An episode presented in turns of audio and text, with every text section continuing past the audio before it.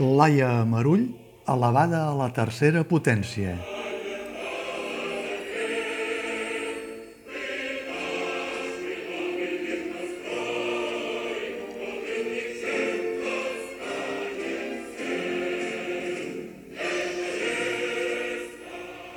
La dramaturga i directora establerta a Catalunya, Victoria Spunberg, diu que el pare absent que s'homenatja en l'obra El pes d'un cos no és ben bé el seu pare i que la filla protagonista, Olga, no és ben bé ella. Però no es pot amagar que hi ha alguna cosa de l'un i de l'altre en tota l'obra, a pesar que és evident que l'autora ha fet una intel·ligent i delicada manipulació literària que, des de la ficció, dirigeix la mirada sense subterfugis cap a una trista realitat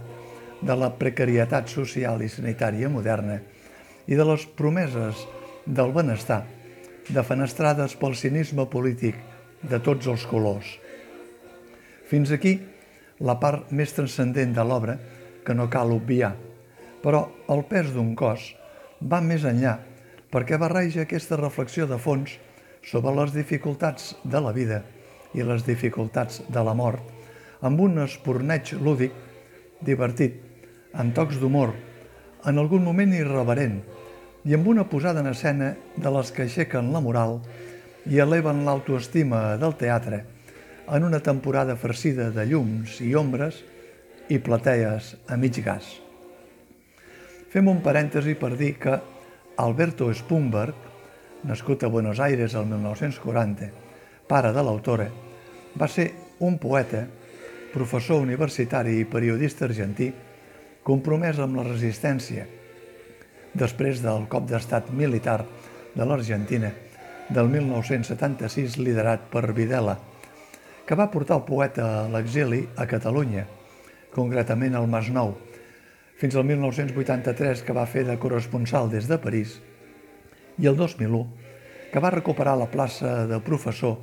a la Universitat Popular de les Madres de la Plaza de Mayo. Alguns dels seus poemes havien estat musicats com a tangos o balsets i va ser autor de diverses antologies poètiques. Alberto Spumberg va morir el novembre del 2020, ja novament a Barcelona, per una crisi arran de les complicacions del coronavirus – una circumstància durant la qual l'autora va començar a crear el que seria la història del pes d'un cos. L'obra no seria el que és sense una suma d'elements de treball d'equip escènic que és evident que és molt d'equip i sobretot per l'aportació de l'actriu protagonista, Laia Marull, que aquí es multiplica per tres. Ella, la germana petita Olga, i off, via telemàtica, en els papers de Maixa i Irina, les seves dues germanes més grans. Retrat de tantes trifulgues familiars quan arriba l'hora de la veritat.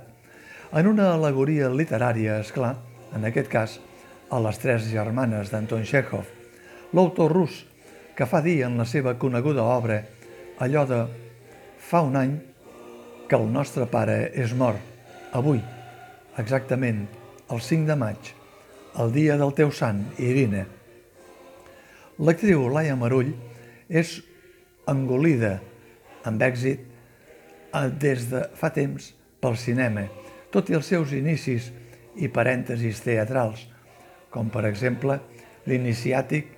i ja llunyà Roberto Suco amb Lluís Pasqual el 1993, aviat farà 30 anys, a l'encara Palau de l'Agricultura, mig en runes, abans de ser Teatre Lliure de Montjuïc. Ara, interpreta amb brillantor i espontaneïtat a la vegada el que en una altra posada en escena seria tillat simplement de monòleg, però aquí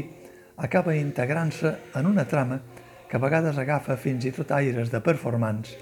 gràcies a les caracteritzacions dels actors Kim Ávila infermer, zelador i estones quec, d'un quec que s'encomana, i no dic res més, i l'actor i músic Carles Pedregosa, a vegades punk, i ja diré més endavant per què, un dels tres artífecs de la banda sonora original de tota l'obra, que compta, a més, amb l'aportació musical de la cantant i compositora Sabina Witt,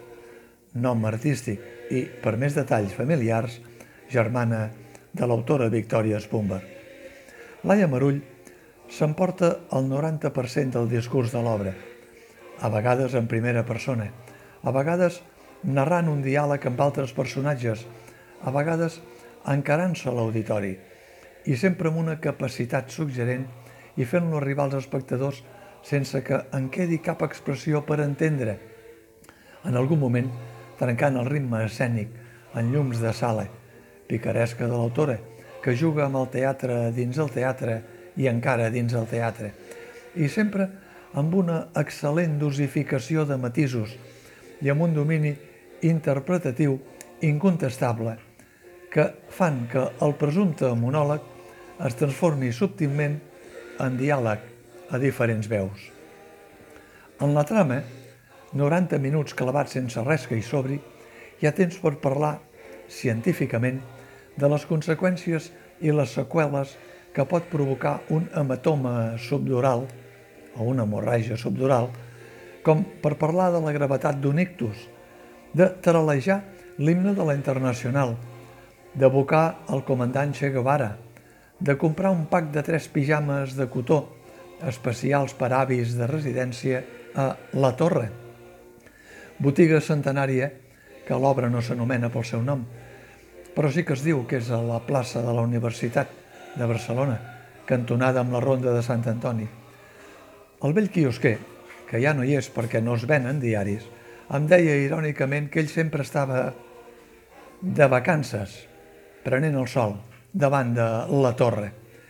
I també, sense voler fer una denúncia, però fent-la, l'obra projecta les tarifes mensuals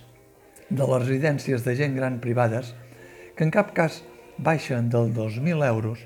i que s'enfilen a vegades fins als 2.500 euros. L'altra cara d'un sistema públic de la famosa llei de la dependència estrepitosament fallit que concedeix ajudes econòmiques de residència només si es té el grau 3 i que sovint s'encalla per raons burocràtiques o perquè la caixa pública no raja prou. Fracàs polític que arriba al súmum quan l'usuari ha mort d'avorriment esperant l'ajuda i, si encara no ha cobrat mai, els seus hereus ja no hi tenen dret. I al costat d'aquesta ficció, que ja esmentava que apunta directament a la realitat, hi ha l'aportació plàstica dels tres capgrossos per representar el món intern d'una residència d'avis, la mare superiora d'una congregació integrista del ram de l'Opus Dei, els antics i sobrevalorats elements del comunisme i els fetitxes de l'època, la picada d'ullet, el negociant rus de compra-venda de joies que odia Rússia, no ara com tothom perquè està de moda, sinó d'abans i des de sempre, i la intervenció musical nostàlgica d'un clon d'Iggy Pop per allò que esmentava del punk de l'actor Carlos Pedregosa, cavallera rossa postissa fins a mitja espatlla i pit descobert. Per cert, Iggy Pop actuarà de gira el mes de juliol en el Festival Jardins de Pedralbes, tota una premonició de la dramatúrgia no buscada perquè de la seva actuació aquí no se'n sabia res fins ara. Semblaria gairebé impossible que amb una proposta multidisciplinar d'aquestes característiques es pugui posar el fre de mà quan cal i convé i es tingui la capacitat de bruixar en la consciència de cadascú i en el sentiment de pèrdua que cada espectador pugui arrossegar per les seves circumstàncies personals. L'autora Victoria Spumber ho aconsegueix.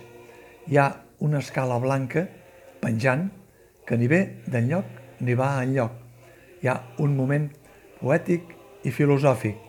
Hi ha simbolisme tintat de vermell. Hi ha un cos que pesa. Hi ha un cos que es deixa anar. Hi ha un cos que se'n va. Hi ha el pes del cos